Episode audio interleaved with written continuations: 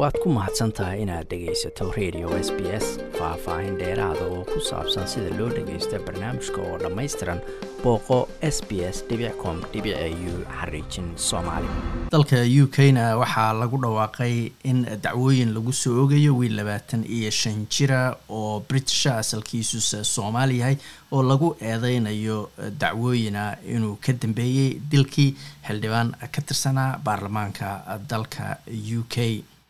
haddaba arrintani sidee bay u saameysay soomaalida degan dalka u k oo ah jaaliyad aada u fara badan? Ismaaciil aadan diiriye waxa uu ka mid yahay xubnaha jaaliyadda ee degan magaalada london. Khadka telefoonka ee magaaladaasi ayaan ku weydiiyey bal saameynta arrintani ay ku reebi karto bulshada soomaalida waxaana uu yidhi. Horta marka ugu horeyso waa ka xumahay ninkaa xildhibaanka la dilay muddada dheerna u soo shaqaynayey dalkan u k shacabkana wax badan u soo qabtay. Sidoo kale waxaan ka xumahay familka soomaaliyeed dhibaatada gaartay ee wiilkan uu ka dhashay. Waaba haddii isaga uu dilay ilaa iyo hadda sida sharciyan qofka ma dhigi karno waa waxbuu dilay ilaa ay maxkamad xukunto. Marka dabcan waa eedeysane maxay ku yeelatay saameyn jaaliyadda soomaaliyeed? Saameyn dhow iyo mid fog waa ku yeelanaysaa waad ogtihiin magac jaaliyad gooni ah oo meel degan idaacadaha waa taqaanaa badanaa waxay jecel yihiin inay maaragtay newskooda inuu gadmo marka wax alla wixii oo maaragtay provocation sameynaya way sameynayaan. Si iyaga muraadkooda u gaaraan oo ah ay news popular inay sameeyaan marka qoraallo la soo qoray oo description lagu sameeyey xataa ninka wiilka dhalay ee soomaaliga ah iyo familka iyo inuu mas'uul yahay iyo wax noocaas oo kale dabcan wiilka waxaa ka wada eedeysanaha ah ay maaragtay iyaga maaragtay ay eedeeyeen. Marka saameyn dhowna waa nagu leedahay mid fogna waa nagu leedahay oo mustaqbalka kulamaa aase jaaliyad ahaan markii magacaaga wax positiva uu la xiriirana wanaag bay ku keenaysaa wax xumaan maaragtay markuu la xiriirana wanaag xumaan bay ku keenaysaa. Waa gartay marka saameyn dhow iyo mid waa gartay marka saameynta marka laga reebo in warbaahinta qaarkood warbaahinta qaarkood arrimahan oo kale ay ka faa'iideystaan oo ay qoraan ama ku celceliyaan meesha asalkiisu ka soo jeedo miyay dhacdaa mararka qaar in dad loo geysto dhibaatooyin physical ah ama cay ama wax noocaata aflagaada marka magaalada ama maraysaan ama haweenka muslimiinta ama soomaalida ah oo kaleo magaalada mara arrimo noocaasa ma dhacaan mararkan oo kale? Arrintan specifically wax soo raacay oo ilaa hadda dhacay oo isoo gaari ma jiraan. Laakiin kulamaa waddan reer galbeed wax ka dhaco ama meel dhibaato ay ka dhacdo dabcan dadkan sida og tahay dad waaci ah ma ahan arrimaha qaarkood dad badan oo ka mid a dabcan kulligood maaha laakiin dad badan oo ka mid a waaci ahayn baa jira marka magaca soomaaliga markuu negative ku soo noqnoqdo saameyn fogna waa kugu yeelan karaa kulamaa magacaaga uu xumaada aasijaaliyad ahaan waxay saameynaysaa amnigaaga sida hadda adiga sheegto waa lagu taarget gareyn karaa waxay saameyn kartaa xataa life stylekaaga waxay sameyn kartaa shaqooyin meesha aad ka doonaysid. Dabcan yacni hadba sida adiga dadka kula tartamaayo magacyadooda u fiican yihiin ama dalka ay ka soo jeedaan iyo dalalka waxay dadka kala aaminsan yihiin haddii marka dad violent ana laga aamino dabcan xataa dadka shaqa doonistooda iyo iyo iyo mustaqbalkooda xataa saameynaysaa. Fesakooga xagga xataa amniga. Marka warbaahintana dabcan nin wariyaa taa waa garanaysaa bal warbaahintana badanaa waxay ka gadadaan warkii looga daba imaanayo marka soomaalida waa strong ahaayeen waa jireen oo magacyadooda markii meelaha qaar lagu soo lifaaqay ay ka dagaalami jireen. Sidoo kaleetana muslimiinta waad garanaysaaba umaranaa hadda bakistan wiilashii halkan toddoba toddoba qaraxi ka dhaco kala sameeyey. Iska daa dadka halkan joogay xataa dad bakistan baa intuu mudaaharaad ka dhacay maadaama wiilashan halkan ku dhasheen waxay odhanayeen war waa niman britisha waayo magaceena ugu soo lifaaqisan annaga marka wiil halkan ku dhashay oo halkan ku barbaaro britisha in magaca soomaali lagu lifaaqo dabcan sida adiga hadba strong u tahay ayaa lagaga maarmi karaa inaad tiraahid ninkaas waa nin britisha waayo because firi way jirtaa gabar hadda ka hor la dilay oo nin maarata qolyaha midibka mas'uuliyaasha uu dilay. Laakiin markii la yidhaahdo nin cadaana ama nin saasa ama nin saasa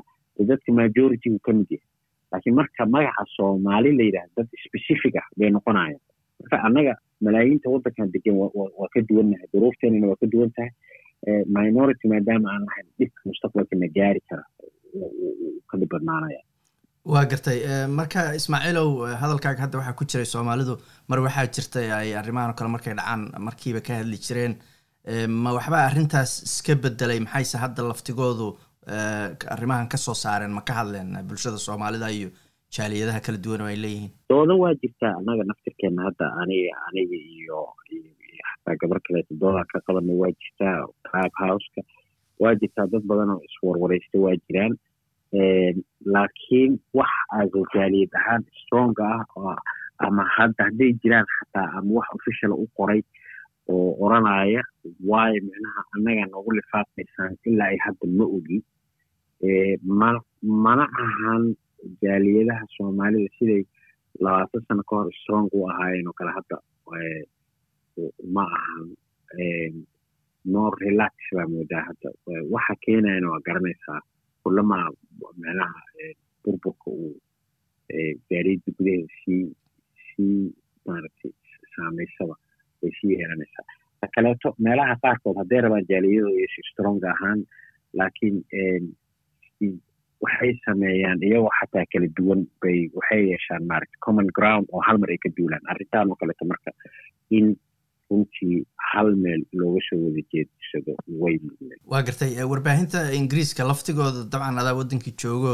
aada uga warqaba laakiin kuwa waaweyn oo caalamka intiisa badan laga dhageysta laftigooda waxaad moodaa marka ay wiilka asalkiisu meesha uu ka soo jeeda sheegayeen inay marka hore aada uga horumarinayeen oo hoosta ka xariiqayeen inuu yahay nin britisha. Marka ma la moodaa warbaahinta u k laftigooda xoogaa inay arrimahan marka ka hadlayaan laftigooda isxakameynayaan marka loo eego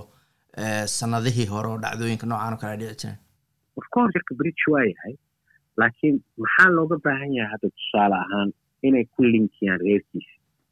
Mayse arrintaa dhibaato u keenayn xataa jaaliyadda biskiilow reerka oo kale hadda waay macnaha aabihiis dembi ma gelin waxba ma gelin waayo magaca loogu lifaaqayo waayo description looga bixinayo meeshuu ka soo jeedo waayo description looga bixinayo xataa shaqadiisa waayo waxaasoo dhan loo soo qorayo qof ayadeysana ah oo xataa aan dembiile ilaa ilaa dembiile maxkamadda waxay xukuntaa la yidhaahday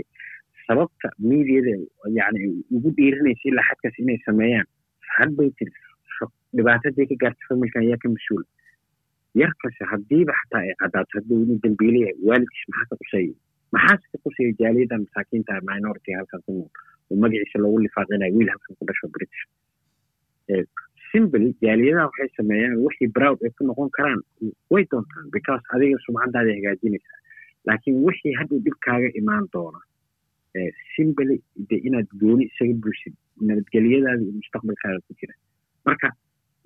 daswaya keenta bakistaanta oo kaleeto marka magacooda lifaaqo way ka dagaalamaan xataa muslimiinta guud waxay yidhahdaan waa description noocaas u sameynaysaan iska daa wax kale waxaa laga dagaalamaa carabta ka dagaalamaan halkan jooga xataa marka la yidhahdo waa middle eastern iska da hadda tusaale ahaan micnaha jaaliyadaha qaarkood afrikaanka ah oo micnaha laguma dhici karo waxaa la leeyahay nin madoowa hadda ninkan waa nin madow nin madoowa uga hari karin laakiin markay yidhaahdaan maaragtay aabihiisna halkaas marka annaga madowga meeqan ka nahay qaaradoo kale hadda la sheegay nin madoowa ama background middle east ama background african waa waa area dhan aad tilmaantay mo laakiin markaa waddan specifica oo dadkiisa tirsan yihiin halkan joogaan maxay saameynoo ku yeelan doontaa halisteeday leedahay dabcan waa garta ugu dambeynta marka ismaaciilow adoo aada u mahadsan marka laga soo tago kayskan gaarka ah guud ahaan dadka soomaalida u k sanado badan bay deganaayeen soddonkii sano oo dagaalka sokay soomaaliya ka dhacay iyo ka hor bay deganaayeen aad bay u tira badan yihiin noloshooda iyo sida dalka ay ula qabsadeen iyo siday wax uga qabsadeen iyo maxaad ku tilmaami lahayd? Individual level soomaalidu waa fiican yihiin. Wayna soo fiicnaanaya maalin maalinka dambeysa dadka professionals waa ku soo badanayaan. Dadka ganacsiga gaarka ah sameynayo muddo aan dhoweynba labaatan sano ka hor xataa ganacsigooda gaarkaa wuu fiicnaa laakiin aase ummad inay yani leadership inay yeeshaan runtii arrintaa iyada ma guuleysan marka labaan u kala saaraya individual level waa fiican yihiin laakiin collectively meesha ay gaari kareen ma gaarsiisna. Marka gaabin badan baa ku jirta marka sidaa daraaddeed waxaan xataa jeclaan lahaa waxna waa sunnada ilaahay oo basharka waxna waa sunnada xataa soomaalinimada hoos marka loo eego sunnada basharka waxaa waaye ikhtilaaful aaraa waa jirayaan laakiin sunnada soomaalida ikhtilaaf xataa aan loo baahnayn baa ku jira oo ah yani waa adag tahay hal meel inay isugu yimaadaan. Anigana maba qaba hadda hal meel in isugu yimaadaba inay necessary inay tahay laakiin hal mabda inay yeeshaan baa fiican. Arrintan oo kale markay dhacdo waa inay ku goobtaan oo yidhaahdaan waay nagu lifaaqinaysa? Marka dhankaas un baan anigu ku waani lahaa hadda anu oran maayo waxaa ku qasbantihiin hal organization inaad samaysaan waaba laga gudbayba organizationna tirada badan ee tanawuca ababa ka fiicanba haddii ay positive yihiin. Laakiin ugu dambeyn markay hal qadiyad dhacdo kulligood intay isu yimaadaan ay hal position ka istaagaan. Marka saasaan aniga mabdayan fikriga kuu dhihi lahaa tala ahaanna anigu saasa ila haboon kaasina wuxuu ahaa ismaaciil aadan diiriye oo khadka telefoonka magaalada london iigu warramay. Ismaaciil aadan mahadsan waad ku mahadsan tahay inaad dhegaysato raadiyaha s b s. Toos u dhegaysa barnaamijka habeenada arbacada iyo jimcada tobanka fiidnimo. Ama kaga soo cesho website-ka iyaga iyo s b s radio app. Booqo s b s com au xariijin soomaali